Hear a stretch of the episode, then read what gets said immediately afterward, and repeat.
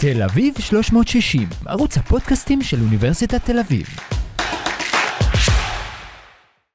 שלום לכם ולכן מאולפני אה, אוניברסיטת תל אביב, לי קוראים רז חסון, אנחנו בתל אביב 360, והפעם אנחנו נדבר על אחד הכישרונות האינהרנטיים והמופלאים שלנו כבני אדם, וגם על היכולת לאבד את הכישרון הטבעי הזה שטבוע בנו בכל מיני שיטות וטכניקות. אני מדבר על משחק תיאטרלי, אה, אבל על כזה שנובע מתוך מי שאינם שחקנים בהכשרתם. דווקא.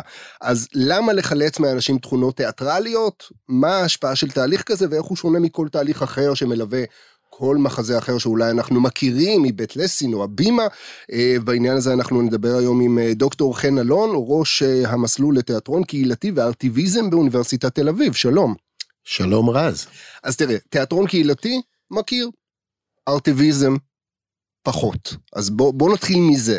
מה, מה זה אומר ארטיביזם בעצם?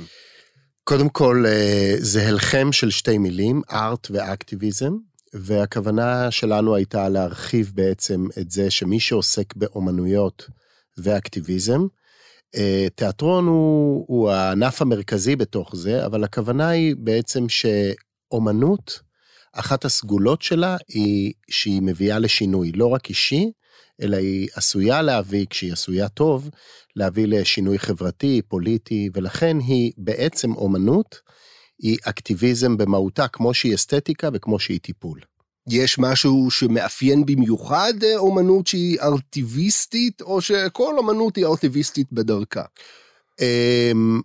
אני חושב שקודם כל זה ההתכוונות. זאת אומרת, אני חושב שמה שקרה לאומנות בכלל ולתיאטרון בפרט, שהוא הפך להיות רק סוגה אומנותית כזאת שרוכשים כרטיס, והפך להיות בעצם מוצר צריכה. כן, משהו בידורי, אסקפיסטי, בדיוק, חווייתי. בדיוק, וזה כבר מקפל בתוכו את המרכיב האסתטי בלבד שיש לאומנות. ואני חושב שאחד הדברים שצריך לעשות כמה שיותר לאומנות בכלל ולתיאטרון בפרט, זה בעצם להחזיר אותם גם ליסודות האקטיביסטיים, פוליטיים והטיפוליים שלהם. אוקיי, okay, אז אנחנו נדבר בהמשך באמת על הקשר אולי בין אה, אומנות או אומנות התיאטרון באופן פרטני גם לפוליטיקה, אה, אבל, אבל בואו נדבר שנייה על התיאטרון כ, כבסיס, אוקיי? תיאטרון כבסיס זה משהו שאיך איך הכי נכון לצרוך אותו? האם זה משהו שאתה יודע שאתה נכנס לתוך איזשהו, אה, לאיזושהי אומנות אה, אה, ארטיביסטית? כי הרבה פעמים, בוא נגיד אם אני מגיע, נניח, לא משהו שקשור לתיאטרון, אבל יש כאלה שאולי יכולים להחשיב אותו כמשהו אומנותי, כן? אומנות הנאום, אומנות השכנוע, רטוריקה. כשאני מגיע ל debate, אני יודע בדיוק מה הולך להיות ב debate. יש את העמדה הזו, העמדה הזו, אולי כל אחד בדרכו הולך, מתכוון להשפיע עליי, אני צריך גם להחליט אולי מי אני מזדהה יותר. האם אומנות ארטיביסטית היא צריכה איזשהו disclaimer מראש, האם אני כצופה יודע שאני נכנס לתוך דבר כזה, או שזה פשוט... לא, לא בהכרח, אני חושב, ניקח רגע צעד אחורה, רז, ונדבר רגע על אומנות ותיאטרון כצורך אנושי, כסגולה אנושית, כמשהו שהוא חלק מהאנושיות שלנו, וניטל מאיתנו. זאת אומרת, בהיסטוריה של התיאטרון מלמדים בדרך כלל שיוון העתיקה, התיאטרון נולד ביחד עם הדמוקרטיה, רלוונטי לימים אלה. ובעצם זה לא נכון, כי כולנו כולנו כולנו, כל בני האנוש ואפילו בעלי חיים, הם שחקנים, משחקים, גם game, גם play וגם acting. זאת אומרת שהתיאטרון הזה קיים בתוכנו, בך, בכל אחת ואחד מאיתנו, יש תיאטרון בתוך הנפש, אנחנו מגלמים דמויות, אנחנו משחקים בתור ילדים, גם games, משחקים כמו מחבואים. וגם, וגם משחקי תפקידים כאלה. משחקי תפקידים, לא רק ילד וילדה, אה, אה, רופא וחולה, והיום צריך להגיד גם רופאה וחולה. אלא גם עם אימא ואבא, המשחקים של אני אריה, אני אטרוף אותך. אה, גם עם עצמנו אגב, הרבה פעמים פשוט משחקים לבד ונכנסים לדמות. עכשיו, למה אנחנו עושים את זה? כי זה, הנפש שלנו חייבת את זה, אנחנו חייבים להיות גם אנחנו וגם לא אנחנו באותו זמן. והדבר הזה ניטל מבני האדם, הוא ניטל מבני האדם גם פסיכולוגית טיפולית, זאת אומרת, אה, מגיל מסוים כולם אומרים, אני לא משורר, אני לא צייר, אני לא שחקן. וגם באופן היותר משמעותי לענייננו, החברתי-פוליטי. בני אדם שמתארגנים עצמאית ולא הולכים וקונים כרטיס לתיאטרון ואומרים להם מה לחשוב ומה להרגיש ועושים להם אינדוקטרינציה, כמו זה מה שהתחיל ביוון העתיקה, אלא בני אדם שעושים תיאטרון קהילתי, אקטיביסטי, חברתי, תיאטרון מדוכאים, הם דרך הגוף שלהם, בגלל שתיאטרון הוא צורה של ידע, יבינו מה מדכא אותם, מה מבנה הכוחות החברתי, החברתי והכלכלי המדכא בחברה, מעמדות, חשיבה ביקורתית, חשיבה חופשית. את זה ערש התרבות והדמוקרטיה לא רצו, לא רצו שיקרה לבני אדם, בכל התרבויות. לכן תרבות בכלל, חינוך, נלקחים מבני אדם והופכים להיות מוצר שאתה צריך לשלם עליו, כמו דברים אחרים, כמו אמצעי ייצור אחרים, כמו שניטלו מאיתנו אמצעי ייצור האחרים, האדמה, העצים, הפירות, הנפט, האש וכולי וכולי, חשמל, כן? אז כך ניטלו מאיתנו גם אמצעי הייצור uh, שמגנים עלינו, גם כפר, כפרטים בחברה וגם כקולקטיב. זה נלקח מאיתנו. והמעשה הפוליטי של להחזיר לבני אדם את האומנות, את התיאטרון, זה ארטיביזם. זה לא תיאטרון פוליטי מה שאנחנו עושים, אלא זה פוליטיזציה של התיאטרון. להגיד לאנשים, אל תהיו צרכנים, תיצרו בעצמכם תיאטרון. זה אקט שהוא פוליטי, הוא אסתטי, כי אנשים בבית סוהר או במרכז גמילה להתמכרות בסמים, או במרכז של הקים ברמלה, כמו שאנחנו עומדים בימים אלה, כל בני האדם אה, צריכים לשחק בתיאטרון כדי להשתחרר גם אישית וגם קולקטיבית כקהילות וכקבוצות. כולם יכולים לשחק, אפילו שחקנים. אז, אז זו בעצם תנועה שהיא קצת אה, נוסטלגית. היא בעצם חוזרת למקור הבסיסי של התיאטרון, ובעצם מנסה להביא משהו משם חזרה לכאן. לא הייתי אומר נוסטלגית, יש בזה משהו של אה, התענגות, אלא יש פה משהו ממש של אה, ניכוס מחדש. כן. לקחתם לנו, אנחנו נשיב לבני האדם את ה... זה אפילו משהו מהפכני דווקא, לא, לא רגרסיבי. אה, אה, או איזה חזרה, התרפקות על העבר, אלא חזרה למקורות. יש משהו מאוד אה, אה, מאבקי בתפיסה הזאת, של להחזיר לעצמי את מה ששייך לי.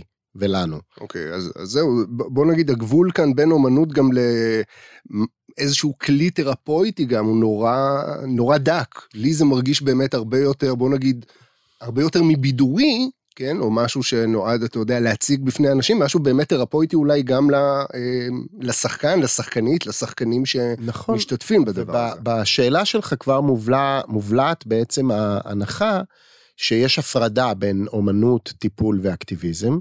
ואני מזמין את המאזינים והצופים והצופות לשאול מי יצר את ההפרדות האלה. בכלל, מי יוצר הפרדות בין בני אדם ולאיזה צרכים, ולאילו צרכים. וההפרדה הזאת... בעל האינטרס בדרך כלל. נכון, ומי שיצר את ההפרדה בין אומנות, אקטיביזם ו- וטיפול, הוא בעצם ייצר שלושה, לקח את, ה, את הדבר ההוליסטי הזה שנקרא תיאטרון והפריד אותו למוצרי צריכה. אתה צורך אה, תיאטרון, אתה צורך אומנות, אתה צורך טיפול, זה גם משהו שהוא... וכמובן פוליטיקה הוא מחוץ לתחום, זאת אומרת, זה משהו שהוא, אה, שהדבר היחיד שלא צריך הכשרה אליו, כן? שבעצם הוא, הוא נקבע על ידי, על ידי כסף וכוח. כן. אה, ולכן אנחנו, בגלל זה אני אומר פוליטיזציה של האומנות וה, והתרבות והחינוך והתיאטרון, זה לבטל את ההפרדות האלה. נחוצה דמוקרטיזציה גם של הפוליטיקה וגם של תחום הטיפול, לא רק של תחום האומנות. אוקיי, okay, דיברתי בהתחלה באמת על ה... על האופן שבו אולי כדאי אה, לצרוך את, ה, את האומנות הזו, אה, ושאלתי באמת אם אמור להיות איזשהו, אה, איזשהו disclaimer בעניין הזה. עכשיו גם הזכרנו את הקשר של אה, פוליטיקה, או את היחסים של פוליטיקה עם התיאטרון. אפשר אבל לומר גם שכשאנחנו צורכים תיאטרון מן הסוג הזה, או תיאטרון גם מסוגים אולי אחרים, אולי דברים שפחות שכיחים, שכיחים היום, דברים אולי קצת יותר, לא יודע, חנוך לוינים כאלה, אה, יש בהם, יש בהם איזושהי ביקורת, יש שם איזשהו מסר בעצם, שאתה לפעמים כצופה, אולי במקרה של חנוך לוין, אתה ידעת שאתה מגיע למחזה ואתה, אה, בוא נגיד, הולך לצאת משם עם איזשהו, עם איזושהי סערת נפש. אמ, תיאטרון מהסוג הזה, דווקא, אני, אני לא בטוח שכל מי שנחשף אליו יודע שיש שם איזשהו מסר אולי, סבלימינלי, ששותלים לו בין, ה, בין השורות. תראה, אתה נוגע בחנוך לוין שהוא באמת אה, ענק, בעיניי הוא אחד מענקי התיאטרון לאורך כל ההיסטוריה, הוא בגודל של אה, אייסחילוס, סופוקלס, אוריפידס, אה, שייקספיר, אה, בקט, אה, זאת, ה, זאת הגדולה בעיניי. ואחד הדברים באמת, אבל אה, חנוך לוין זה מחזאי ובמאי דגול, אבל זה תיאטרון אה, קונבנציונלי, זאת אומרת, במובן הזה שזה כמו אייסחילוס וכמו שייקספיר, חנוך לוין הוא המחזאי, הוא המחולל של האירוע התיאטרוני, הוא כותב את הדבר שבסוף אתה רואה על הבמה. והוא באמת גאון ו... ו ואפילו סמינלי במובן הזה שהוא המציא שפה בעיניי תיאטרונית. אבל אני מדבר על תיאטרון אחר, זאת אומרת, אה, וחנוך לוין גם, הוא מושפע מאוד מברכט, הוא ממש מחזאי ברכטיאני, אה, וזה יותר חשוב לדבר על התיאטרון האפי, או על התיאטרון הזה שהוא אנטי-קתרטי, בניגוד לדרמות או. ולטרגדיות, שבהם הקהל אמור לעבור איזשהו קתרזיס, לעבור איזשהו זיכוך, היטהרות, התרוקנות.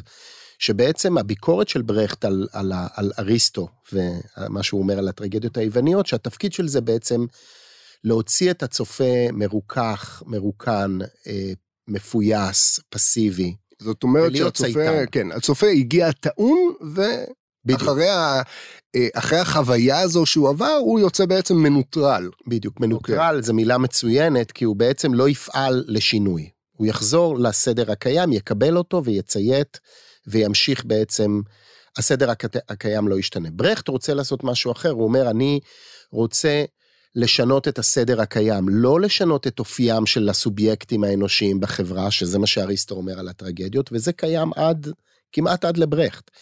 אלא אני רוצה לשנות, שאנשים יצאו מעורערים, עצבניים, אקטיביים, וישנו את המציאות. על ידי זה אני צריך לבטל את הקתרזיס, כדי שהם יצאו עם חשיבה ביקורתית, שמה שיעבוד בעיקר בחוויית הצפייה שלהם יהיה חשיבה ביקורתית, וזום אאוט, להבין לא את הבעיה של רז שראיתי בהצגה, אלא מה מאפשר את הבעיה הזאת.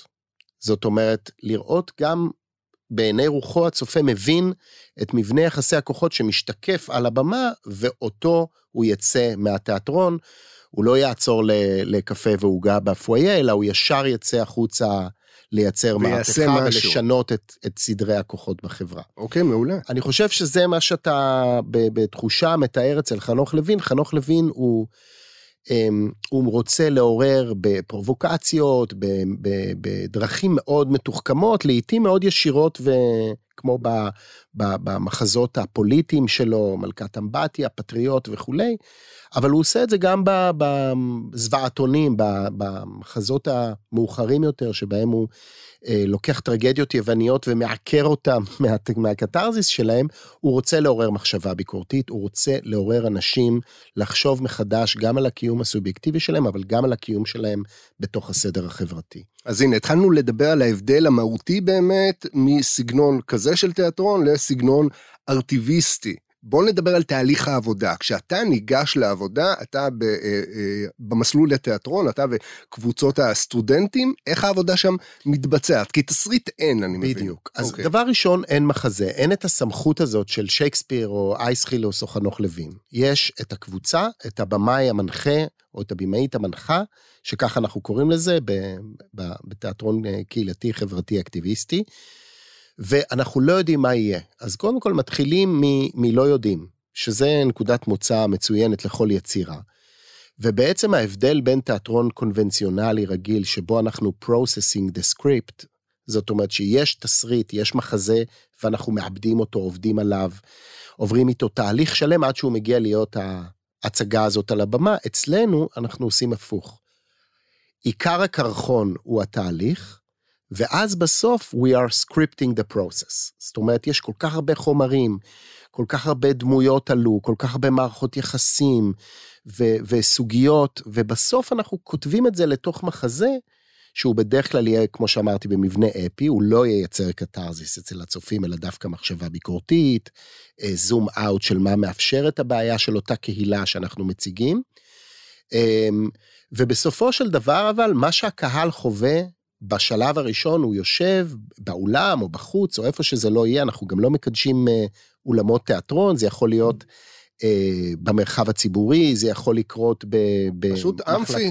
אמפי גם בחוץ. כן, uh... אבל זה יכול לקרות גם בתוך בית סוהר. כן. אנחנו עובדים בבתי סוהר, אז זה יקרה או במרכז חינוך או באגף uh, של האסירים. אה, זה יקרה במועדון הקים שאנחנו עובדים בו, או במרכז גמילה בדרום תל אביב, מרכז טיפול בהתמכרויות, איפה ש... בדרך כלל איפה שאנחנו עובדים, שם נרצה להציג, כי שם הקהילה בעצם. ובשלב הראשון אנחנו מציגים כמו בתיאטרון, זאת אומרת, אמ, סנאריו, הצגה, משהו. ובשלב הזה אנחנו לא מסתפקים בצפייה הפסיבית של הצופים, יש מה שנקרא תיאטרון פורום, שבו בעצם אנחנו שוברים את הקיר הרביעי ומזמינים את הצופים לצאת מהתפקיד של spectators ולהפוך להיות spect-actors, להיכנס ולהחליף את הדמויות. זאת אומרת, אתה לא נשאר, גם זה, פוליטיזציה. אתה לא יכול להישאר פסיבי. רוב הקהל כמובן כאילו נותר פסיבי, אבל מי שבוחר לעשות את מה שאנחנו קוראים התערבות ולהיכנס לתוך הבמה ולהחליף את הדמות של הפרוטגוניסט, של הגיבור, זה שהקהל הוא פרו, הוא איתו, הוא מזדהה איתו, הוא אה, מחליף אותו וכבר זה לא כמו שאמרתי קפה ועוגה בפויה, זה עכשיו, אתה רואה בעיה, היא קורית על הבמה, היא ייצוג של בעיה במציאות, תיכנס ותיכנס ותחליף את הדמות, תיכנס לנעליה ותפעל. אל, אל תזדהה, אל תהיה באמפתיה כלפיה, אלא כנס לנעליה ותפעל. זו דרמה. השורש של המילה היוונית דרמה הוא מבוסס אטימולוגית על המושג פעולה, דרם. זאת אומרת, אנחנו אומרים לצופי התיאטרון, תהיו צופים שחקנים, תמיד תהיו במציאות גם צופים בה, אבל גם שחקנים, גם כאלה שנוקטים פעולה. לי זה נשמע כמו משהו שחייב איכשהו להשתלב במערכת החינוך, ב... בתוכנית הלימודים כחובה. אז uh, כיוונת באמת במדינות מתפתחות כמו פינלנד וכמו שוודיה, תיאטרון המדוכאים של אוגוסטו בואל הברזילאי שהמציא את השיטה הזאת שבה אנחנו עובדים. Uh, התיאטרון הזה הוא באמת חלק ממערכת החינוך, הוא גם לומדים תיאטרון למטרות חינוכיות, כדי להיות בני אדם יותר טובים ויותר אנושיים ויותר מוסריים, וגם מלמדים מקצועות באמצעות תיאטרון. זאת אומרת, שפה זרה, אמ, מתמטיקה, היסטוריה, אפשר גם ללמד אה, באמצעים תיאטרוניים, וגם הסטודנטים שלנו, אם הזכרת את המסלול, הם רובם אה, משלבים את זה פה, בבניין הזה, בבית ספר לחינוך עם תעודת הוראה, והם לומדים להיות גם במאי תיאטרון וגם מורים לתיאטרון ומורות לתיאטרון. שזה באמת נהדר, ולמרות שזה עדיין לא ב... בבייסיק שלנו, כן, בתוכנית, ה, בתוכנית הלימודים הבסיסית, אז בואו נדבר על האוכלוסיות שאיתן אה, אתם עובדים. אה, על התיאטרון הזה, אה, דיברנו על אה, אה, גם אוטיסטים, נכון? נכון? דיברנו על אוטיסטים, דיברנו על אה, אה, שוהים אה, בלתי אה, חוקיים, נכון? מהגרים, ופליטים. נכון? מהגרים ופליטים, אה, שזה בעצם נשמע, זאת אומרת, מעין קבוצות שוליים בחברה שיש להן אתגרים עד אינסוף. מה, בוא תספר לי קצת על, ה, על התוצרים שיוצאים מאנשים כאלה, שמשתייכים לקבוצות כאלה. כן, אז הם, אמ, הם, הזכרת נכון, אמרת שוליים וקבוצות מוחלשות. אם אתה זוכר בתחילת השיחה, אמרתי, אנחנו, האידיאולוגיה שלנו זה להחזיר את התיאטרון למי שצריך אותו, לא למי שצורך אותו. ו... חלק מה, מהרעיון הוא באמת, אה, כולם יכולים לעשות תיאטרון, אבל יש אנשים שממש צריכים אותו גם בשביל הצרכים הטיפוליים, גם בשביל הצרכים הפוליטיים, ולכן עם הסטודנטים אנחנו הולכים לקהילות שזקוקות לתיאטרון, שתיאטרון יכול אה, להעצים אותן, אה, לחזק אותן, להוסיף לה, לחייהן עוד נדבך. אז אנחנו עובדים השנה למשל עם, פה בקמפוס עם צעירים אל הרצף האוטיסטי. יש לנו קבוצה גם של הסטודנטים שלנו עם אה, יהודים וערבים בקמפוס, שמייצרים, מראים שיהודים וערבים לא רק מסרבים להיות אויבים, אלא יכולים פשוט ליצור ביחד, ליצור אומנות ביחד, ליצור תהליכים יצירתיים. אמ, אנחנו כל שנה עובדים בחוץ, תמיד יהיה פרויקט אחד שאנחנו עושים השנה בהקים ברמלה עם אה, אנשים עם אה, פיגור שכלי. אמ, עבדנו בשנה שעברה עם מכורים במרכזי טיפול בהתמכרויות וגמילה והתמכרויות מסמים. אה, עבדנו בבתי סוהר, וכמו שאמרתי קודם, המשחק קיים בכולם, בכל קהילה כזאת, גם באופן אישי בכל אדם וגם בקהילות מסוימות יש להם אפיונים מסוימים וחיים מה שפיטר ברוק קורא משחק מחוספס או תיאטרון מחוספס. הם לא צריכים לשחק דמויות ששייקספיר כתב או סופוקלס או, או מולייר, אלא הם משחקים דמויות מתוך החיים שלהם. אז אסירים כמובן ישחקו את חיי הבית סוהר וחיים עברייניים ודברים ש... אמ, וזה תמיד אנחנו משתמשים במושג הזה שנקרא גוסטינג או, או הרפאות הזאת שאנשים שחקנים מביאים איתם זה קורה גם לשחקנים מקצועיים, זאת אומרת, גם אה, גילה אלמגור, או נהוג לספר על חנה מירון, ששיחקה בביבר הזכוכית, ה... היא שיחקה את הדמות של הצעירה שאמורה הייתה לשחק איתה צולעת, ואז היא עשתה צלייה, שיחקה, ואחר כך היא, אה, חנה מירון נפצעה ב... בפיגוע, ואיבדה את רגלה, ואחר כך היא שיחקה את האימא של אותה צעירה בהפקה יותר מאוחרת, וכבר שם היא הייתה צריכה להעלים את הצלייה. עכשיו הגוסטינג הזה זה שהקהל יודע שזאת חנה מירון שעברה פיגוע ושיחקה בעבר את הצעירה הצולעת וכולי. אצל אסירים זה מרתק הדבר הזה מכיוון שכשאסיר עולה על במה בהצגה הדבר הראשון שקהל חושב עליו זה למה הוא פה מה הוא עשה. השחקן לא הדמות. ואז יש איזה מין אה, אה, הכפלה כזאת איזו סופר אימפוזיציה כזאת איזו חפיפה בין זה שהאדם שאני רואה על הבמה, אני יודע שהוא פה כי הוא פשע, כי הוא, הוא הורשע. יש משהו אחד שאני יודע עליו. בדיוק. כן. והדבר הזה שאתה יכול שנים לעבוד עם כל בימאים, תולדות המשחק, תמיד הדבר הראשון שאומרים לשחקן כשהוא משחק דמות זה תעבוד עם סוד. כי הקהל תמיד צריך לא לדעת משהו, צריך לשמור את זה. עכשיו עם אסירים זה מדהים. סוג של מה, אינטריגד כאילו להחזיק את הקהל בערנות מוגברת מתוך uh, סקרנות כזו? כן, כן, okay. זה אוקיי. פסגת המשחק זה תמיד שכותבים בביקורות, הוא משחק עם סוד וכולי, אז כשאסיר עולה על במה, אתה יודע שיש פה איזה משהו שאתה לא יודע על, ה, על השחקן, וכל דמות שהוא יעשה, הרפאות הזאת, הגוסטינג הזה, נמצא שם. כאילו גם עם מדים כתומים ובלי מדים כתומים, ואנחנו הרבה פעמים בתיאטרון ובית סוהר משחקים עם העניין הזה של אם יש לנו סטודנטים אה, בנים, שזה לא קורה הרבה, אז הקהל גם לא יודע האם זה סטודנט או האם זה אסיר.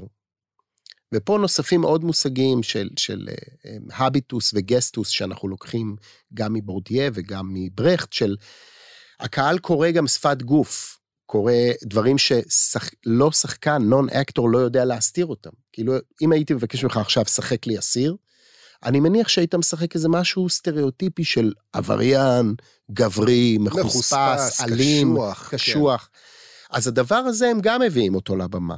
ואנחנו עובדים איתם, למשל, על להיפטר משפת הגוף העבריינית, הגברית, האלימה, בין השאר כי הם באים לתיאטרון כי הם רוצים להציג את השיקום שלהם בוועדת השחרור באופן אה, אה, נאות ואותנטי לשכנע שהם נפטרו מהעולם הקודם העברייני וכולי. זאת אומרת, המעגלים שהתיאטרון הזה מייצר הם, הם אינסופיים בהשפעה שלהם ובסוג המשחק המיוחד שאנחנו עובדים עם non-actors, עם לא שחקנים. שזה, שזה נשמע מדהים, כלומר, אני מנסה לדמיין לעצמי את התהליכים שאותם שחקנים עוברים בתוך הדבר הזה.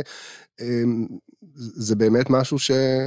ש... ש... שמדהים אותי. ו... והם מעידים על זה אחר כך. זאת אומרת, חוץ מזה שהמשפחות באות ורואות את ההצגה ומתרגשות ובוכות, וההצגה היא יפה, היא מהנה, היא מענגת. בנוסף לזה הם אומרים, עברתי פה תהליך טיפולי עם עצמי, גם בפגישה עם הנורמטיביים, עם הסטודנטים, וגם ב, ב, בסוג ההתבוננות, הרפלקציה שתיאטרון מאפשר, הם מבינים את הקשר שלהם לעולם העברייני והאלימות, הם לוקחים אחריות, הם מבינים גם את הנסיבות החברתיות שהביאו אותם להיות עבריינים, זאת אומרת, הם גם עוברים פוליטיזציה. כן. וגם הם מכינים את עצמם לוועדת השחרורים ולחיים הנורמטיביים בחוץ, איך הם נתפסים כגברים, אלימים, עבריינים וכולי, ו... הטרנספורמציה הזאת שהם עוברים היא גם משחקית, זאת אומרת, גם לשחק נורמטיבי, עד שאני ארגיש שאני באמת יכול להשתלב בחברה ולא רק uh, לשחק את זה. עכשיו שאלה טכנית, אני יודע שקהל ב...